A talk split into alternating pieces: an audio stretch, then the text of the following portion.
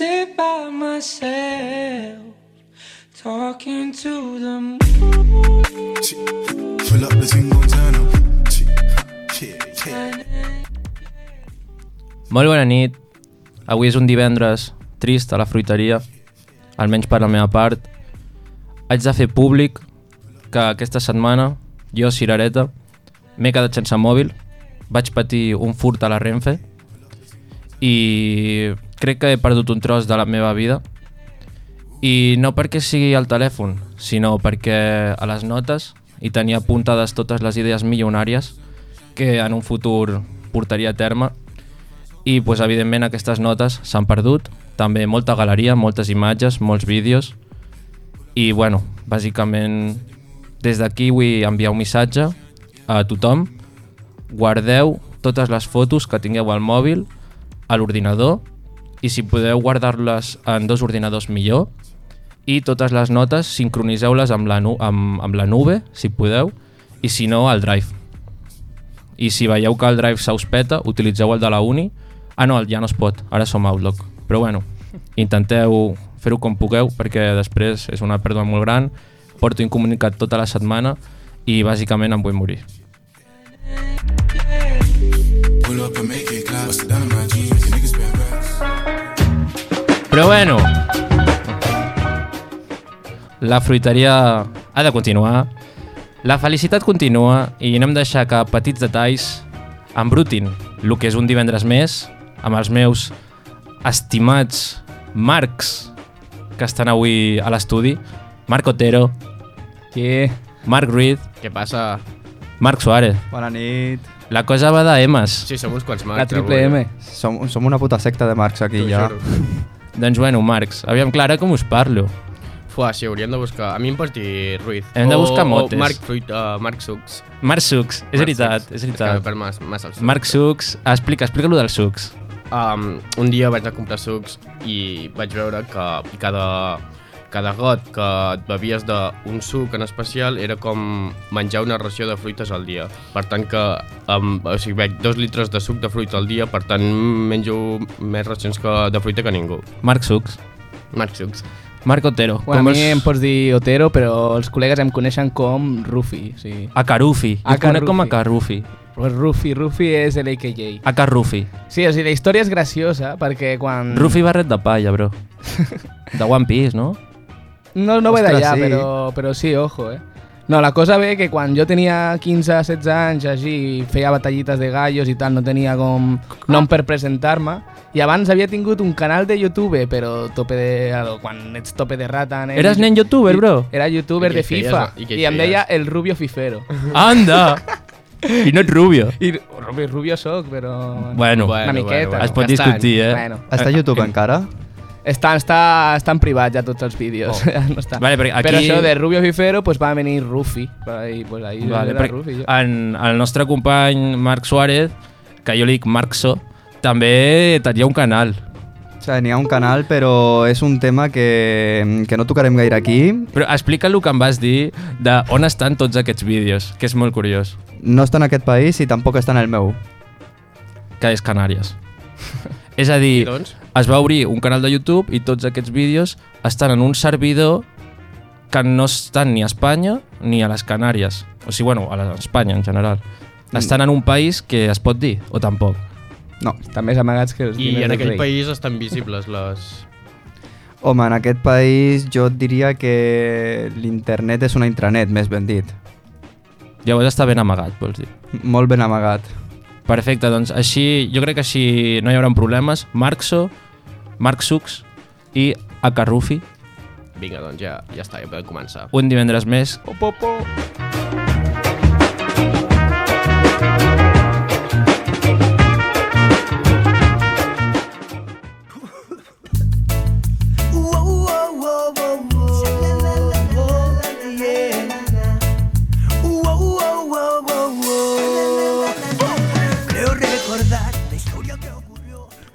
Torna aquí a aquesta nova edició de Fruity News y... Ole.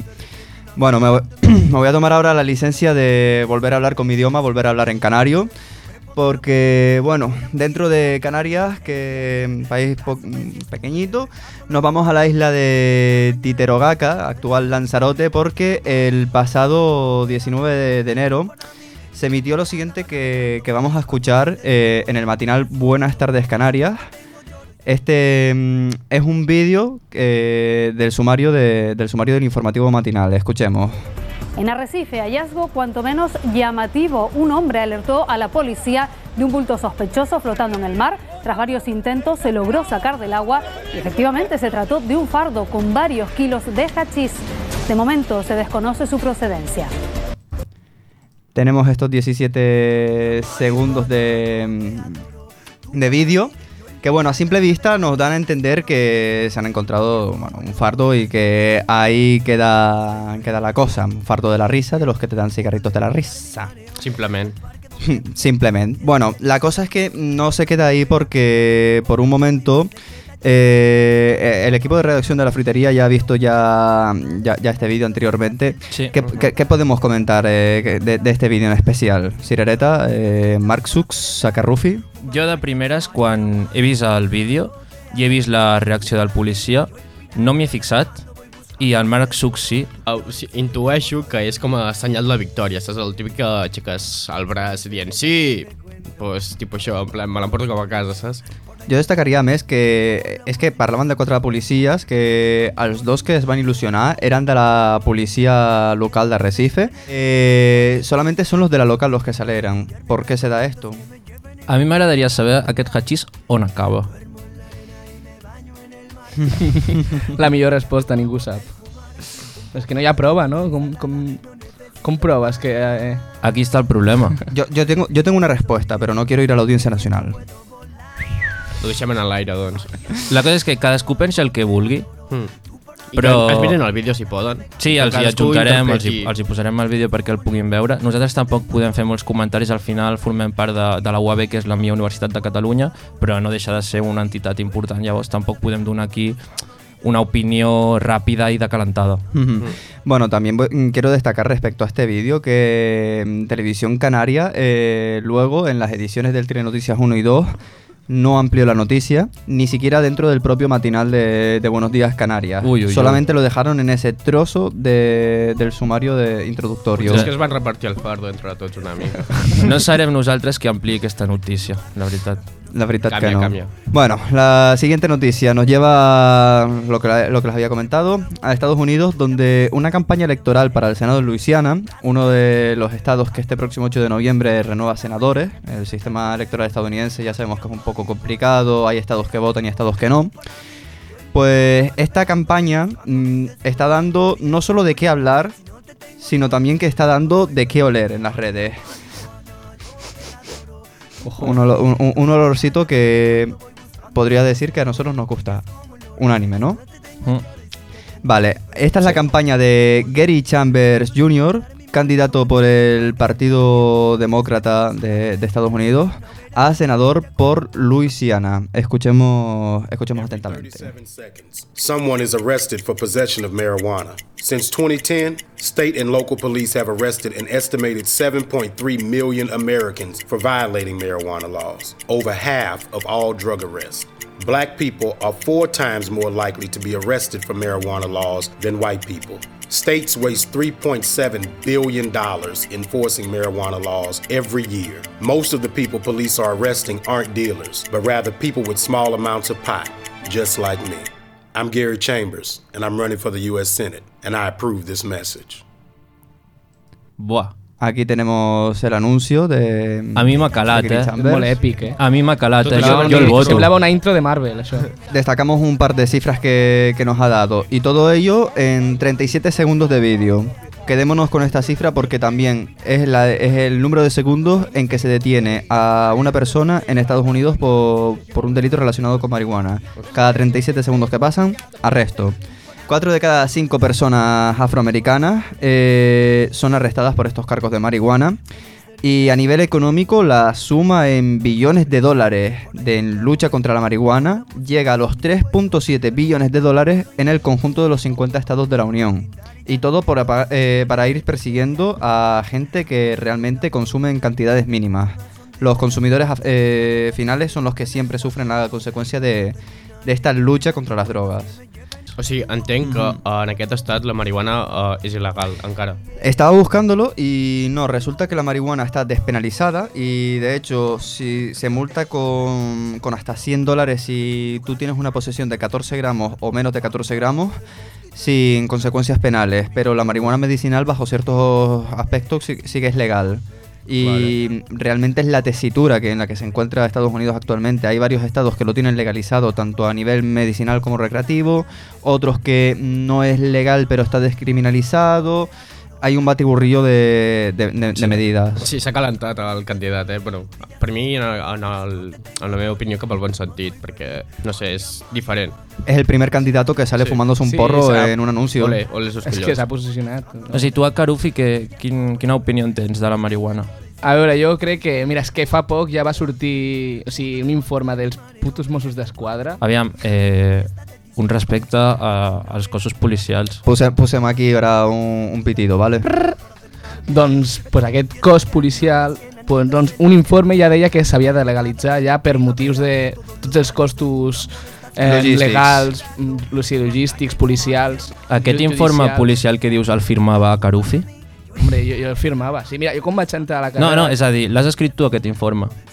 Eh, jo no, però jo, està, jo, està, jo, est- jo estaré dintre. O sigui, jo, quan vaig entrar a la carrera, em van preguntar tu per què vols estudiar polítiques? Per legalitzar la marihuana. Pum. Anda! Anda, Ole, Exclusiva. tajante. Sí, jo ja estaré en la lluita. Si entro en política, ja sabeu... Jo en millor que a la UAP. Eh? On millor que a la UAP. Home, On podria ser que et veiéssim en un futur fent aquest vídeo? És a dir, per quin partit estaries tu? Pel Partido Verde? Luz verde. bueno, ara mateix no crec molt en partits, però bueno. Sí, suposo que algun d'esquerres, sigui ja nacionalista, independentista... Però tu no, legal legalitzaries la marihuana només o totes les drogues? Perquè això també és molt elitista, Això només ja- la marihuana. Això ja és I, un, la pobre, I les altres què? això ja és un debat ja bastant ampli. Despenalitzar segur. Setmana de drogues, eh? Frutinews de drogues, vist. Sí, sí, sí. Ja... Frutidroguis. Al Frutinews de la propera setmana de, de galetes i suquets. I fem un petit asterisc. Des de la fruiteria no fem cap mena d'incís a que et droguis. És a dir, simplement donem informació. No volem fomentar el consum. No, perquè hi ha molt i són pocs, no? O alguna així deien. Exacte. O Hi ha si hi ha pocs i pocs i són molts. molts. Mira, ja, la marihuana. Ai. Ai, la Maria. Ai, Maria i Maritere, marihuana. t'estimo. You,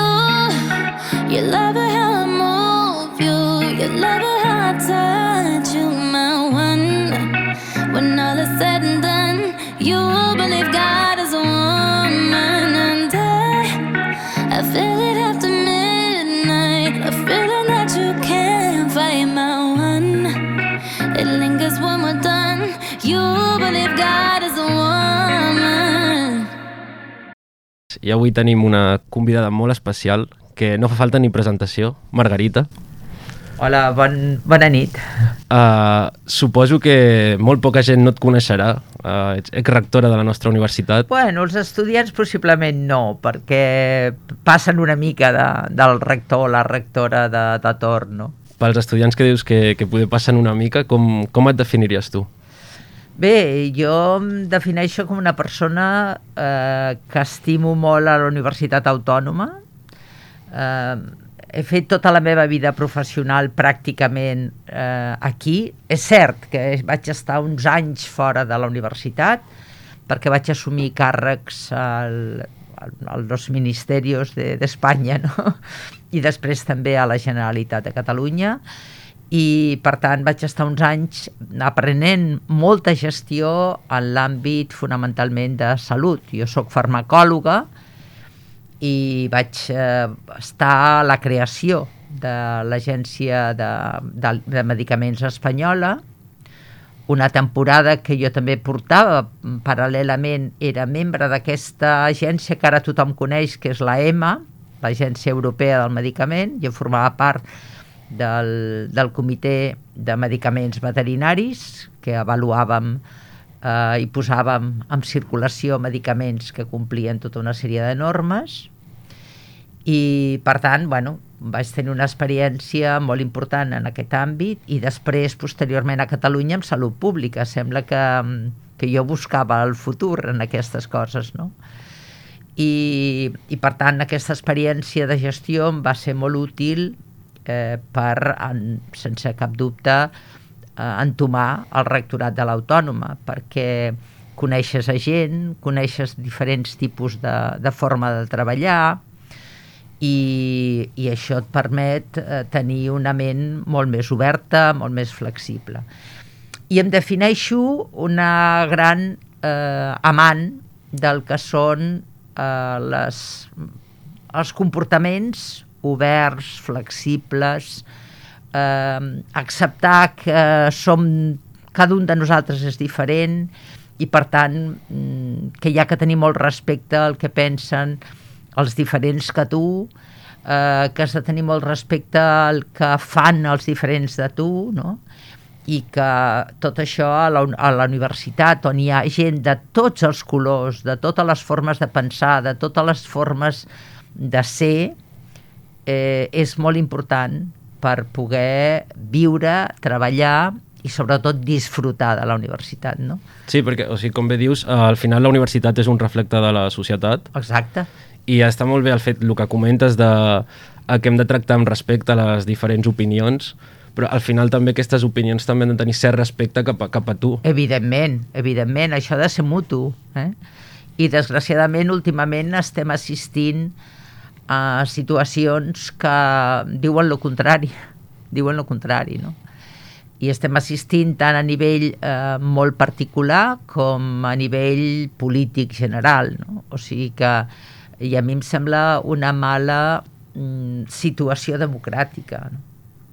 Clar, i al, al final, uh, bueno, ja si entrem a parlar una mica de la, de la democràcia, eh, englobem ja moltes coses perquè ja entraríem si és un sistema just o no, però bueno, uh, tampoc hem vingut a discutir ara de Exacte. política. Tornant una mica al tema del rectorat, eh, en quin moment uh, se't passa pel cap, doncs, vull ser rectora de la UAB? Realment, a mi no se'm passa pel cap, se'ls hi passa pel cap amb uns altres. I... Se't van enganyar. Una mica, bueno.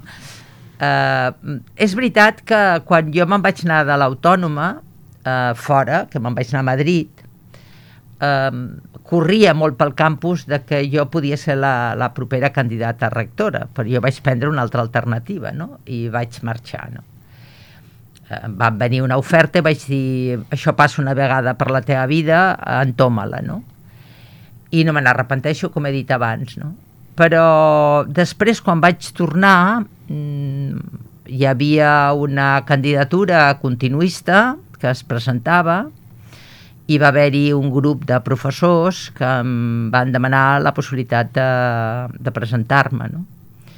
i em va semblar que era un moment, vaig parlar amb altres companys, que jo si em presentava volia que anessin a l'equip, i vam tirar endavant. O I sigui si, que... si no m'equivoco, uh, diria que ets la primera en la història, la primera dona en ser No. rectora d'una universitat pública. No, la segona.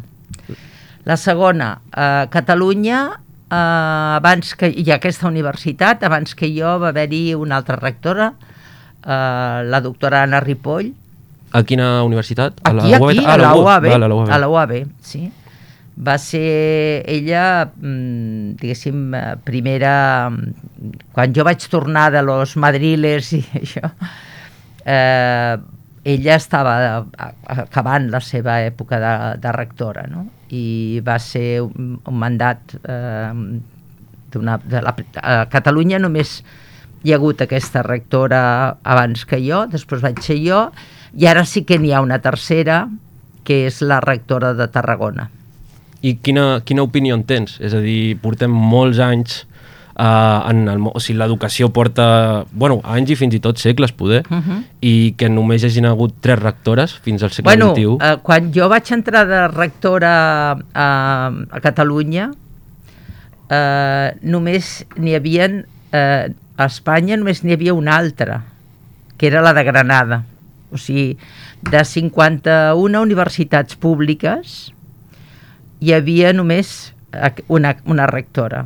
I després vaig entrar jo, i posteriorment, mm, mentre el meu mandat, van incorporar-se fins a set.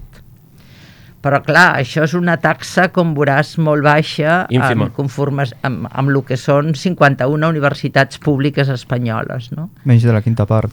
I jo durant molt de temps vaig ser jo la única rectora a Catalunya do- dona, no? la I única. és, és dur el fet...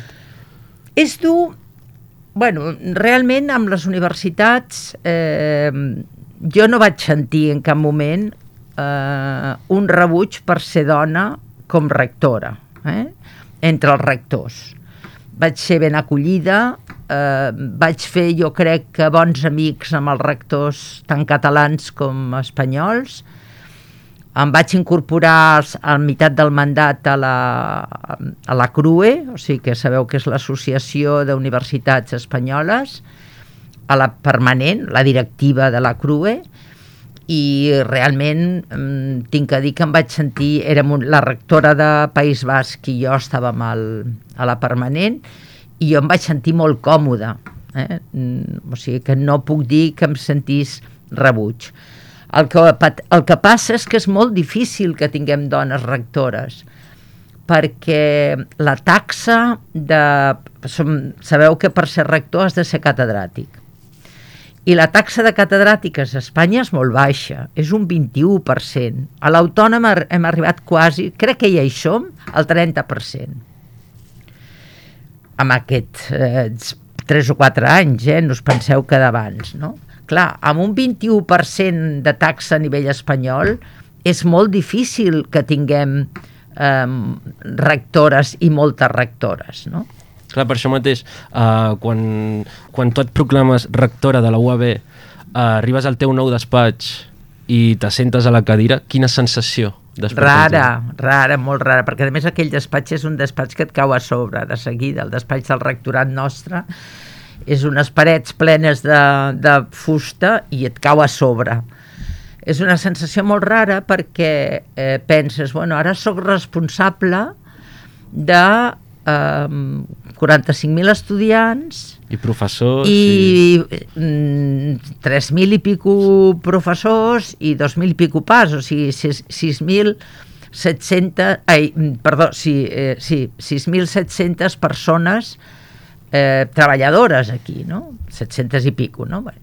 Per tant, i dius, bueno, i hem d'intentar fer canvis importants amb una situació molt precària econòmicament, o sigui, tot el mandat va ser molt precari, i amb, per exemple doncs, teníem un enredariment de, de places de professorat eh, brutal, de plans d'estudis nous que hem fet, o sigui que teníem pel davant molta feina i sense recursos. No? I clar, mm, Clar, et, et un- cau molt, tens una sensació estranya, no? Sí, és un punt crucial això que dius. És dir, al final les universitats són la, els que estan formant el, el futur ja de tot el món. Com, com és que manca el, el pressupost? perquè realment les autoritats eh, en, en aquest país, en aquest terreny, mm, ja des de fa molts anys, la universitat no s'ha considerat un element essencial. Jo crec que en els últims temps eh, està havent-hi un canvi. Eh?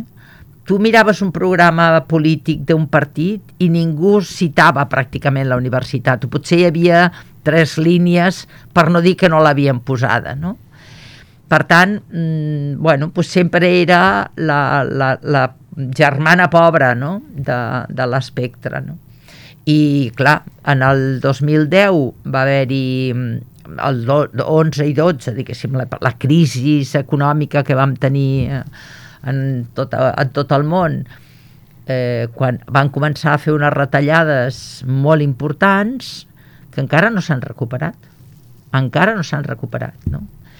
I, i per tant mm, això vol dir que no entenen molts polítics no entenen que aquí es formen el futur del país que són els que després seran diputats eh, seran caps de les empreses seran els que faran les noves tecnologies, etc. O sigui, no és qüestió de que faltin diners, sinó és qüestió de que aquests diners que hi són es destinin aquí. que re, o sigui, han de repartir. Jo, jo entenc que en un moment de crisi has de veure quins són els elements més importants i on has de te a tenir més atenció. No? Ara hem tingut el Covid i s'han abocat molts diners al Covid. No? Però és claríssim que s'ha de tenir en compte què és la universitat i quin, i quin paper juga socialment la universitat. No? Tu deies molt bé, som un reflexe del que passa fora. Totalment, d'acord. Però és que som el futur del que passa fora. També. I si això no s'entén mm, i no dotem a la universitat dels recursos per poder fer la seva funció correctament, doncs estem cometent, jo crec, un, una, un gran error per un país. Què passa ara, per exemple? Ens manquen tecnòlegs, sobretot de l'àmbit de la informàtica, del big data, de, tot, de, de les noves tecnologies, de la intel·ligència artificial. Bueno, la universitat té coses a fer en, aquest, en aquests àmbits. Té gent experta, però a part té capacitat per poder formar nous eh, joves no? en aquestes línies. pues de dotar. No us dic com vaig posar en marxa jo alguns dels plans d'estudis aquí. El, el pla d'estudis d'intel·ligència artificial, que va començar a l'hora que un de la Politécnic, que és fonamentalment eh, tècnic, diguéssim, de, de dades, d'informàtica, tecnològic, pues vam començar com a propi. I el vam començar com a propi, després l'hem reconvertit a preu públic, però com a propi. O sigui, que arriscàvem. O sigui, que els alumnes entraven amb un pla que era propi, que per tant el cost no ens el pagava la Generalitat, el pagàvem nosaltres. I a partir d'aquí, és veritat que en aquest cas vam aconseguir una ajuda a la Generalitat, però d'un altre departament, no? Però el vam començar com a propi i durant, mentrestant anàvem fent les gestions per convertir-lo en oficial, perquè és tan lent, cada pla d'estudis et costa dos anys autoritzar-lo. Mínim dos anys. I per tant això va, em va, ens va permetre que aquest any passat ja sortíssim amb la nova titulació, no? I ara ja és oficial, no? Vale, i ara que comentes això del tema informàtic, uh, com bé sabràs, ens van patir un hackeig. Sí, sí. Uh, tu des de fora, clar, ja no, no estaves en el rectorat, com, com ho has vist? És a dir, no sé si això fa com que haguem de fer un pas enrere i no he intentat uh, com portar-ho tot a la tecnologia, és a dir, informatitzar-ho tot. Mira, jo no conec aquest àmbit, no sóc de, o sigui, de la informàtica, sóc una usuària vulgaris, no? I realment no sé tampoc el que ha passat, eh, però realment per a una universitat estar eh, quatre mesos encara no, no tenim eh, tot funcionant, cada dia anem incorporant coses noves, és realment molt dur, és realment molt dur. Eh, segurament mm, no teníem coses que estaven bé, vull dir que teníem coses que, que requerien eh, canvis. Jo sé que moltes vegades el director d'informàtica no, ens deia, dels serveis vamos, informàtics, ens deia que necessitava més recursos i anàvem intentant posar-li els que podíem, no? i que segurament hi havia coses que per, han permès que els hackers entressin més fàcilment. Encara que els hackers entren i entraran sempre, perquè van més endavant sempre que nosaltres. No? Jo estic molt preocupada perquè està siguent la recuperació molt lenta i espero que aviat, perquè, i això hi ha molta gent que ha patit molt, no? des de gent que no ha pogut treballar durant molt temps eh, perquè estaven els programes que utilitzava tots bloquejats fins a bueno, les relacions nostres des del, des del punt de vista de, de les tecnologies. No? Mm, Però de veritat jo no, no sé com ha anat el, el procés, sé que per mi és molt lent, però suposo que no hauria haver-hi masses alternatives. No? Clar, perquè al final, o sigui, la màxima responsabilitat uh, cau en el, en el rector actual, entenc. Sí, clar, sí, sí, sí, sí. Amb el rector i els equips que estan treballant amb, amb aquestes coses. Perquè algú que a mi em va semblar curiós uh, va ser quan uh, tu deixes el rectorat, Mhm. uh, entenc que el deixes, no? Mhm. Bueno, jo el deixo perquè... El, bueno, el deixo, clar, el deixo perquè també per, per la meva edat jo no podia continuar. Vale. Eh? O sigui, és com per obligació, entenc. Sí, sí, sí. O sigui, hauries continuat molts més anys, no? Bueno, segurament el segon mandat, segurament eh, l'hagués fet. Però jo ja sabia que no el podia fer. Quan vaig fer el primer mandat, jo ja sabia que no podia fer el segon mandat. I llavors apareix la Fuente Mm. i a nosaltres, els estudiants, ens arriba un correu perquè tenim bueno, certa poder de decisió en, en triar el nostre rector i només hi ha l'opció de la Fuente o en blanc. Mm. Però això és perquè no es va presentar ningú més. I com, com valores que en una universitat tan important com és la UAB només es presenti un, un rectorat? no és una cosa positiva, no és una cosa positiva. El que passa és que en, una, en un moment en què hi havia el, el, la Covid, és molt difícil que hi, hagi, que hi haguessin més candidats. O sigui, jo crec que la Covid ens va tallar la possibilitat de que hi haguesin més candidats. Clar, perquè tu et va enganxar al febrer, tu encara eres rector. Sí, m'agafa la Ah, clar, Covid clar, des, de, des del febrer Fins al octubre, novembre. fins al, al novembre que jo plego. Sí. Clar, i és una, o sigui, és algo que es veia lluny perquè estava a Xina i no ho veiem com algo molt perillós Ah, mhm. i és algo que és pum, és, és el moment. Com, Sí, clar, sí. Com, com a rectora, com t'arriba la notícia que has de tancar la universitat, que tothom ha d'anar a casa i no es poden fer classes presencials. Jo crec que això és un xoc molt gran.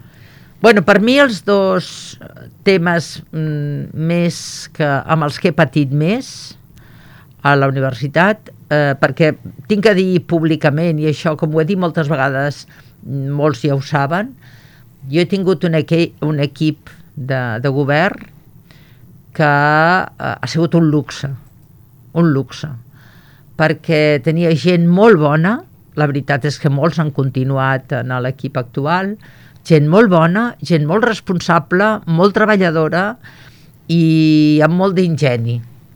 Eh? I per tant, mm, la situació no la passava jo, la passàvem tots junts.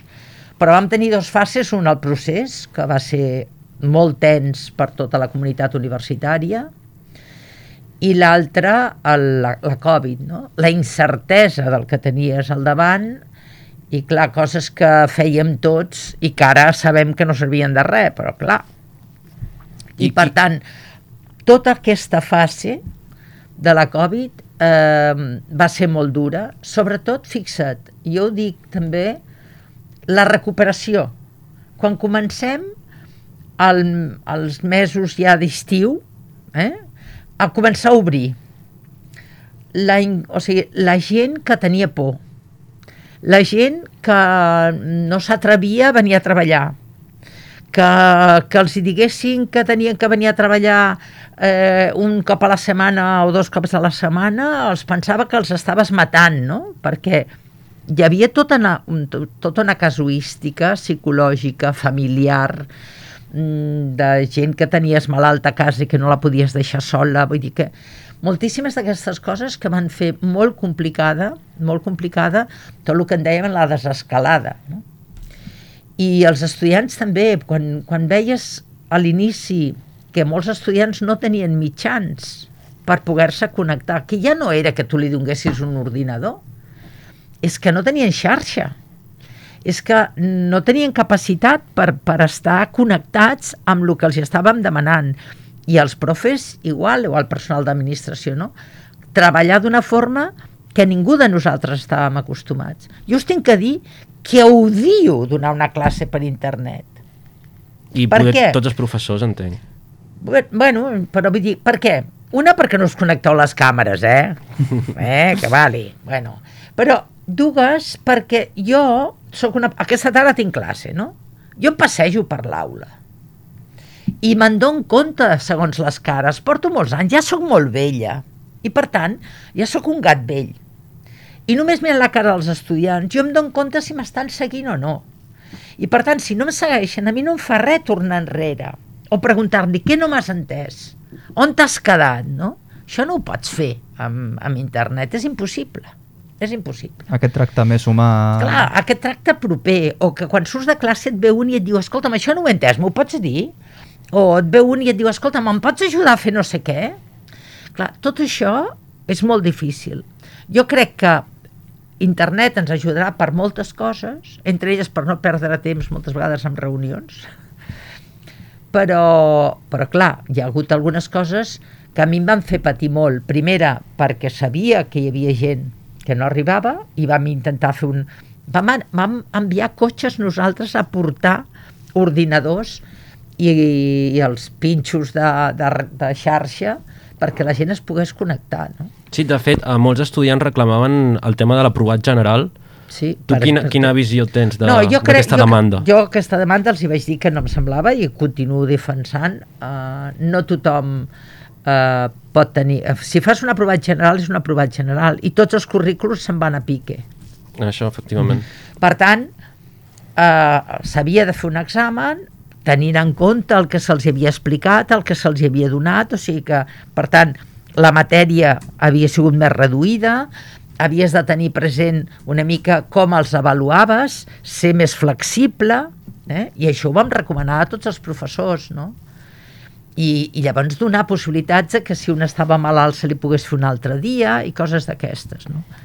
Però jo creia que un aprovat general jo vaig, quan estudiava el vaig demanar, eh? no us dic, no, no és raro, jo també el vaig demanar, sobretot perquè ens feien examinar d'una llengua alternativa i nosaltres dèiem que no ens donaven classes i per tant sense classes no fèiem examen. Però bueno, aquestes coses mm, o que ens tancaven, nosaltres ens tan, quan jo estudiava ens tancaven la universitat eh, el, perquè jo, jo, vaig, jo vaig fer el, una part de la meva carrera amb el Franco Mira.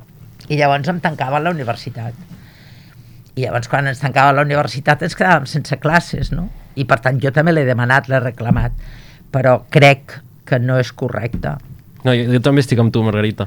Uh, de fet, bueno, ens queden pocs minuts i hi havia diversos temes que volia tocar sí o sí, ja que tenim l'oportunitat de poder parlar amb tu. Molt bé. Uh, bueno, un dels temes que volia tocar era, a tu et van ocupar el rectorat? Ah, però a mi això no m'importava, em semblava bé. Oh. Bueno, vull dir que em semblava bé, enteneu? Els estudiants heu de fer les, les vostres reivindicacions. O sigui, el titular era Hace cinco años se produjo una protesta llevada a cabo por 27 personas para reclamar la rebaja de las tasas universitarias por la cual ahora la Fiscalía pide de 11 a 14 años de prisión. Sí, sí, és a dir, sí. arrel d'això, per culpa d'aquesta causa, et van ocupar el rectorat. No, no, la, no va ser aquesta causa. O sigui, els estudiants anys anteriors Sí. havien tingut un problema i llavors van, van haver-hi... Volien que baixessin les tasses. I va haver-hi alguns enfrontaments, van ocupar el rectorat, van fer alguna destrossa, no important, però alguna destrossa, i van tenir bloquejada la universitat bastants dies. I llavors, bueno, doncs l'equip rectoral de l'època va decidir eh, algunes de les coses les va portar a Fiscalia. No? no es van resoldre a la universitat, sinó que van anar a Fiscalia. I, per tant, els hi demanaven un fotimer d'anys. D'11 a però- 14, sí. Sí, sí, i clar, nosaltres... I els hi demanaven, no sé si eren 250 o 300.000 euros de, de multa, no? I nosaltres el que vam fer és comptar el que realment s'havia fet malbé, que eren, mil, eren, 1.500 eren uns 15.000 euros o 14.000 euros, i, i després eh, ens vam, nosaltres ens vam deslligar de la causa perquè vam dir que no, nosaltres no pensàvem anar a denunciar ningú no? Però, i, o sigui, entenc que tu estàs a favor del moviment estudiantil. i tant, és que s'ha de O fer sigui, aquí tenim el CPC. jo no, no em poso ara ni com fan les Mm. coses, o sigui, a mi no m'agrada que hi hagin destrossos, o sigui, que jo sé que utilitzen els containers, però això a, a la universitat li costa diners després recuperar-los Sí. quan els cremen, no? Vull dir que, i quan fan barricades i trenquen coses o agafen mobiliari i el trenquen, això jo no estic d'acord, perquè és diner públic, és diner públic. I com és diner públic, entenc que és de d'ells, dels ells i elles, dels seus pares i de meu, m'entens? I el fet Vull de, dir, de veure estudiants eh, que no poden entrar a classe perquè hi han les barricades i han d'entrar per finestres i han Pues jo, d'escalar... so- jo crec que la gent ha de tenir llibertat per cada un fer el que cregui pertinent. Clar, però aquí està el problema, entres en un conflicte on hi ha una persona a la barricada, una que vol anar a classe i una no la deixa entrar a l'altra. Bueno, jo crec que això no és correcte, vull dir que el que vulgui anar a classe ha d'anar a classe i el que no vulgui anar a classe no va a classe, perquè jo el dia que faig vaga la faig perquè vull. I a mi em treuen els diners perquè jo firmo que he fet vaga, no? I eh, els estudiants no teniu aquest problema de, dels diners amb les vagues, però jo entenc, una cosa és que hi hagin piquets informatius, L'altre és que hi hagin piquets violents. Això a mi no m'agrada i així ens ho he dit. I, es- I us tinc a dir que alguna vegada jo m'he passejat per tots els piquets. O sigui, he anat de container en container. No ha servit de res, diàlogo per a besugos, eh? I jo la primera besuga, eh? No, no estic ara aquí acusant a ningú. I, per tant, bueno, pues, eh, jo crec que s'han d'explicar les coses, que han d'haver piquets, però a mi que m'ocupen el rectorat o que ocupin una facultat, no em sembla malament, és una forma de fer-ho. I això no és que estigui cridant a la gent que ocupi el rectorat, eh? Cuidado. Però si els estudiants venen amb unes reivindicacions, amb una plataforma, el que s'ha de fer en el moment que ocupen el rectorat és negociar. Seure i negociar. I intentar arribar a un acord. I intentar arribar a un acord. Aquesta vegada que els estudiants van ocupar el rectorat per això, ells volien fer eh, 24 hores o 48 hores, no me n'en recordo, d'ocupació amb, per, per, bueno, o sigui, no tenien, la seva plataforma era aquesta. Vam pactar amb ells en quin lloc estarien perquè tinguessin màquines de vending, perquè tinguessin capacitat de mobilitat i es van quedar allà 40, no sé si 24 o 48 De forma hores. pacífica i- Ja està, vale. i em sembla Sí, cap problema. jo també he ocupat el Mm. rectorat quan era jove. De profe i era PNN, jo també vaig ocupar el rectorat. Ara no se'm va acudir trencar res. I uh, ja per de les poques coses ja anem acabant, Margarita. Uh, algo que tinc jo molta curiositat és, perquè s'ha especulat molt, uh, molta gent diu que els Mossos no poden entrar a la UAP. Uh, com, com va aquest tema? És No, dir, no, els Mossos poden entrar a la UAP sempre que considerin... Però algú els ha de donar permís? No, O... no. Això no és cert. El que passa és que sempre hi ha hagut un bon entente entre els Mossos i els rectorats, no? I per tant, eh, el, els Mossos tenen dret d'entrar amb, amb, Tant a la vila com a, a la la vila UAP. i tal, home, a casa d'algú no, eh? Clar, no, ja no. Però, eh, i llavors sempre està aquesta discussió que si entren dintre d'un edifici això és casa de... Però, però és un...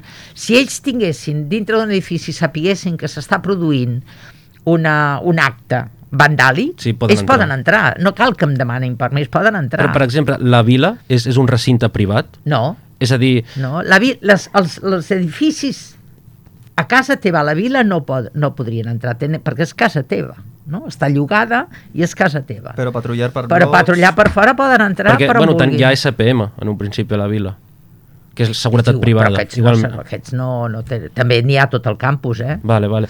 Uh, més que el tema aquest de la policia també ve, i vostè ja ho sap, bueno, tu ja ho sabràs, uh, s'ha acabat el problema que va haver-hi que... Sí, però això és un enfrontament que mm, a la última època meva del rectorat, una vicerrectora, la vicerrectora d'estudiants, que era una, una vicerrectora molt activa amb els estudiants, la, la Sara Moreno, ella havia arribat a, a negociar amb els estudiants amb la, la, la qüestió de que contraprogramessin, o sigui, que no s'enfrontessin, sinó que contraprogramessin, vull dir que si estaven ells a la dreta, els altres es col·loquessin a l'esquerra amb, les seves, amb les seves reivindicacions, però que no hi hagués enfrontament entre ells. Clar, i tu com a rectora, que de fet ja se't veu bastant revolucionària, uh, Bueno, ho era i continua sent un cul inquiet. Sí. quan tu veus les imatges de que a la, el que era la teva universitat, i sempre ho serà, Mm. uh, estudiants uh, rebent cops de, de cossos policials, que, que, com et sents? malament. O sigui, malament. Jo crec que la, la, la policia ha d'intentar i té equips per negociar. Però, I que després aquesta gent uh, vagi a casa del rector, com és en la Fuente, i li A mi- pinti les això parets, Em això... sembla infumable, absolutament infumable. I no soluciona res. No, això, això no em sembla correcte i que la policia pegui els estudiants tampoc. Tenen equips de mediadors i és el que tenen que fer, treballar amb els equips de mediadors, la policia. No? Doncs ja per anar acabant, uh, imagina't que t'està escoltant tota la UAP, que, quin missatge donaries? El meu missatge en aquests moments eh, a tots els, sobretot als estudiants, és que tinguin en compte que el pas per la universitat és una etapa de la vida i en aquesta etapa de la vida han d'estudiar però han de disfrutar de la vida. Vull dir, no tot és estudiar i a més que tinguin en compte que el que aprenen aquí és només un assaig del que tindran que aprendre durant tota la vida. Per tant, que quan surtin d'aquí continuaran, han de continuar estudiant, han de continuar aprenent, perquè si no la vida els hi passarà pel davant. Eh? Per tant, el meu missatge és aquest, que aquí comencen però no acaben, que tota la vida és un una aprenentatge i que, a més, amb tal com evoluciona la ciència, tal com evolu- evolucionen els mercats eh, i tot, segur que la seva vida faran moltes feines diferents i tindran que aprendre-les. I, per tant, que tinguin en compte que la universitat només els hi dona la base per obrir-los la, vi la, la visió i que el més important és que siguin oberts, flexibles, dinàmics, que sàpiguin comunicar, que sàpiguin tenir sensibilitat per les coses i això els ajudarà molt en el futur. I hi ha alguna frase, així que d'algun que recordis que, et, que ens ajudi a inspirar-nos? No, no me'n surt ara cap, però vull dir... Jo, tinc, jo en tinc una. Uh, no, no centris el teu present en un passat que no té futur. Tant que com el passat no té futur, però em sembla un bo, una bona frase. Eh? Bueno. Però el passat sí que té futur en el sentit de que has après una, una experiència i, et, i això et serveix per la vida. Doncs moltíssimes gràcies, Margarita, uh, per donar-nos del teu temps i aquí sempre tindràs les portes obertes. Pues quan vulgueu estaré sempre encantada de venir. Eh? Adeu i gràcies.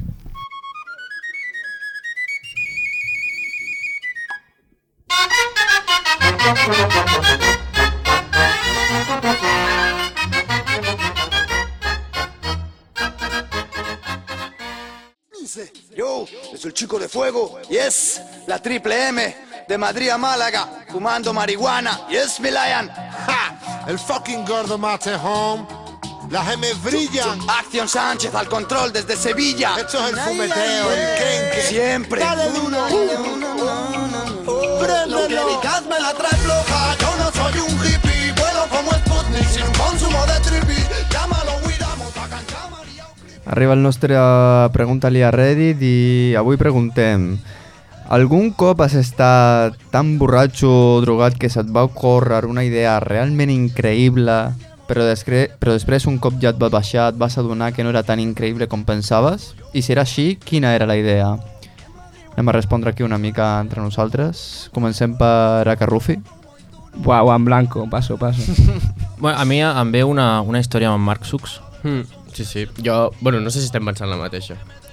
Podria ser que sí. Uh, té a veure amb coixins... Efectivament. pis. Sí. uh, pels que l'expliqui jo, Endavant. Um, vale, si em deixo algú, em sa- uh, tu em corregeixes. Vaig fent vale? puntilles. Uh, bueno, acabem d'arribar al nostre pis de Cerdanyola, acabats d'instal·lar, no sé què, ja ens instal·lem cadascú a les seves nostres habitacions i passen uns quants dies.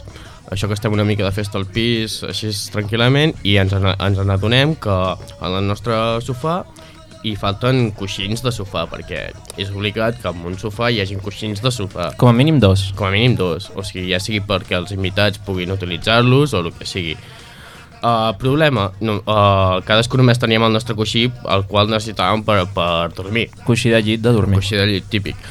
Doncs uh, amb el meu amic Cirereta i jo uh, no se'ns va acudir res més que tallar els coixins per la meitat, o sigui, tant el meu com per el seu, amb unes tisores.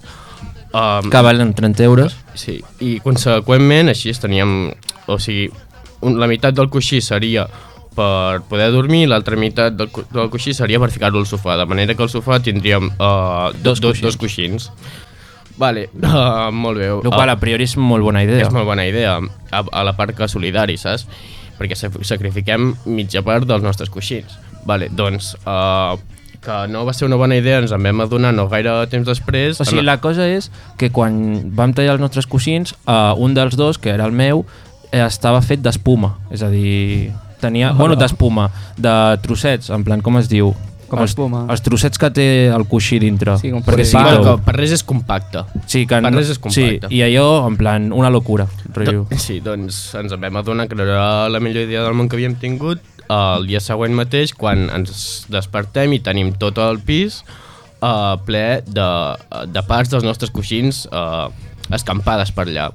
En aquell moment va, vam descobrir que no era bona idea. Com, per exemple, uh, es llevava el meu amic al cirereta i me n'anava a la seva habitació, no sé què, i me'l trobava amb el cap ple de- ple d'espuma en el seu coixí. Saps? Un puto desastre que flipes al puto I l'espuma cada cop anava menys, de tal manera que jo dormia... Mm, és a dir, l'espuma com que anava menys, jo cada cop perdia més coixí. Era tope de graciós perquè un dia vaig entrar a la seva habitació i me'l trobo que el seu coixí és un, un pilot un pilot d'espuma que havia pogut recollir. I, ah, clar, I és una mica liada el fet d'haver de dormir amb espuma, perquè no descanses bé i bueno, ja comences malament el dia, bàsicament. Llavors, eh, en Marc, molt amablement, va demanar-li a la seva germana un coixí i vam tenir la gran sort que li va donar un coixí però que no era oficial. No, en plan, no, no és coixí de, de llit, es podria dir. Era coixí complementari. Coixí complementari. I amb això vam anar tirant. Vam anar tirant. Què passa? Que nosaltres, en, el, en el moment, se'ns va oblidar perquè havíem tallat els coixins que era per donar, o sigui, per uh, compartir-los. I vam estar poder una setmana... O més, eh? Una miqueta o més, més, potser. explicant-li a la gent la història i dient-los que no recordaven per què els havíem tallat. I la gent se'n reia, es tractava de tontos, Mm. fins que un dia... Uh, pues, A les mateixes condicions, més ens, o menys. Ens vam il·luminar i ens va venir el cap, que va ser perquè tinguéssim en el sofà. I aquell mateix dia vam descobrir una cosa que a mi em porta menjant per dintre. Ens va fer, mm, ens va fer molt mal, molt mal. Va ser una mica lleig. I és la següent. El nostre company de pis, un dels, dels que tenim, tenia en el seu armari un coixí de llit agafant pols. Agafant pols, allà estava. Mentrestant nosaltres estàvem, eh, mentrestant el, el Cire estava dormint amb un pilot de d'espuma i jo també, com que podia. no sabeu saps? ni què teniu a casa. Al final de I el nostre company de pis amb, amb, tontos. amb un puto coixí allà a l'armari en perfectes condicions. Que puto rata. Bueno, total. Una idea que pensàvem que era molt bona i va resultar sent un desastre. Bueno, segur que, que, que idees pitjors s'han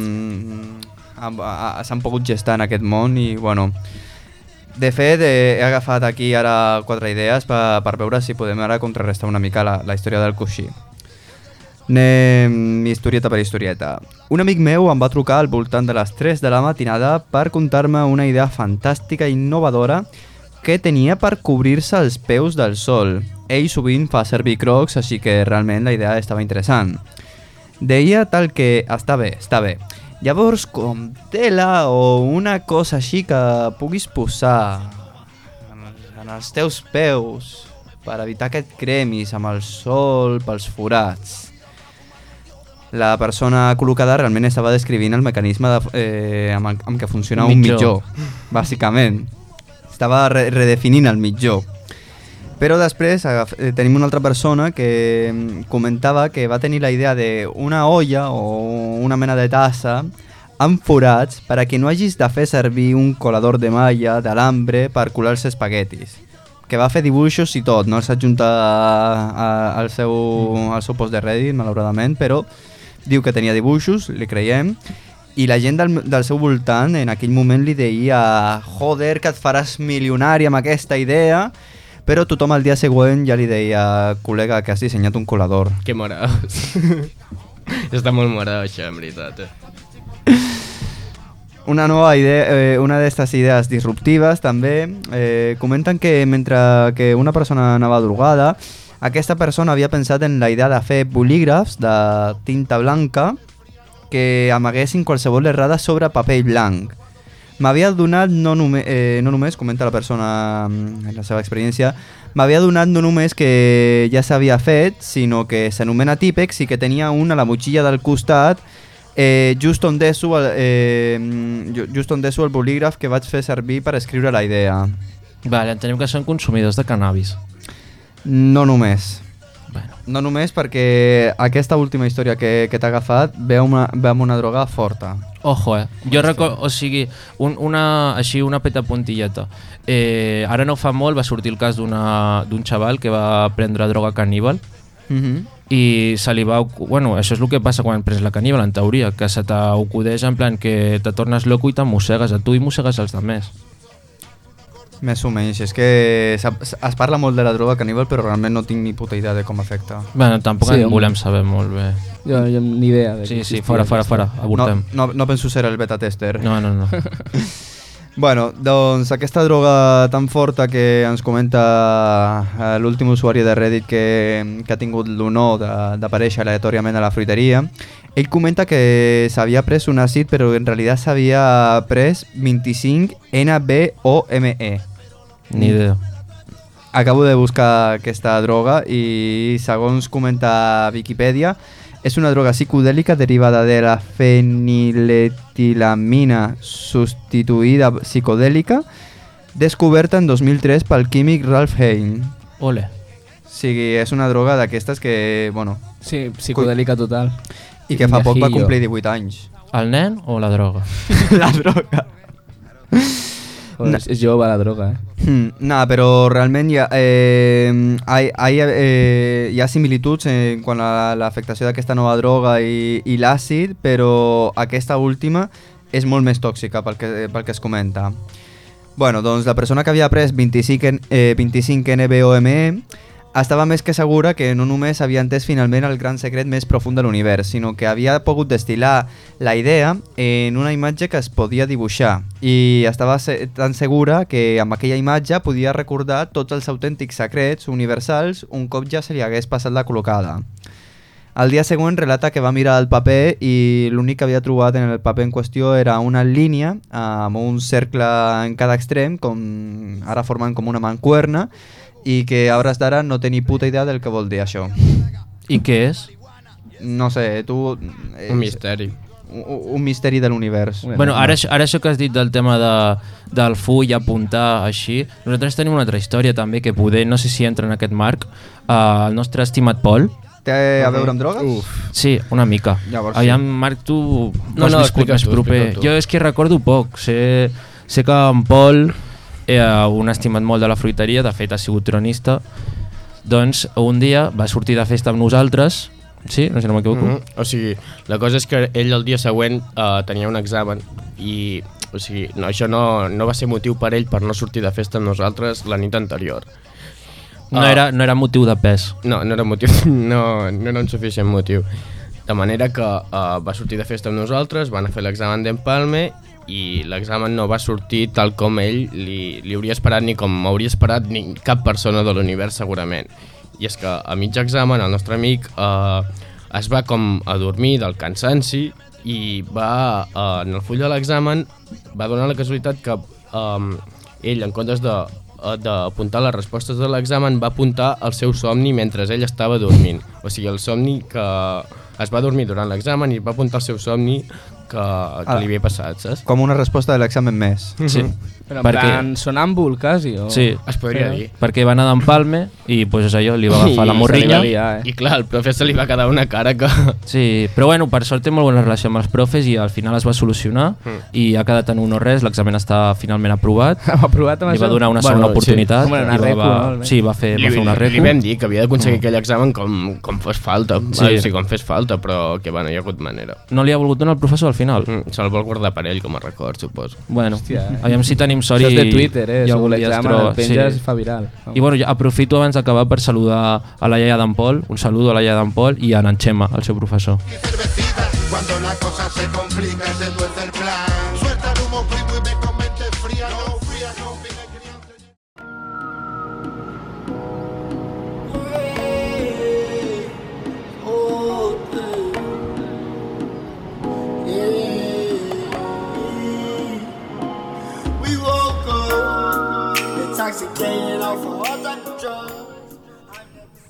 I fins aquí, un divendres més de la mà de la fruiteria.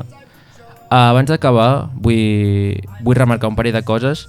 Eh, la primera de tot és que la fruiteria ha entrat en el món dels articles i ja teniu disponible, que ho publicarem a les nostres històries, el primer article de la fruiteria a la web del nostre campus Media i espero que us agradi molt per la meva part. Mé- Més enllà d'això, eh, donar-vos les gràcies per donar-nos l'oportunitat d'arribar a les vostres oïdes, agrair-vos tot el vostre suport i fins aquí el dia d'avui, però la setmana que ve més i millor.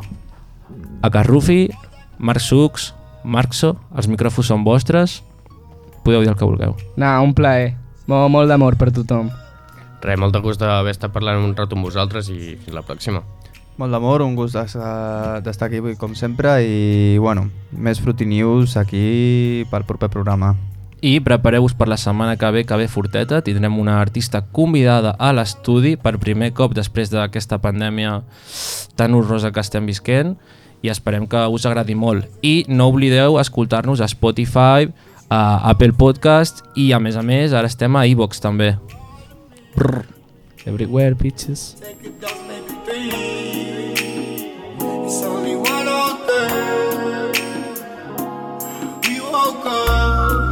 intoxicated off the whole type of drugs.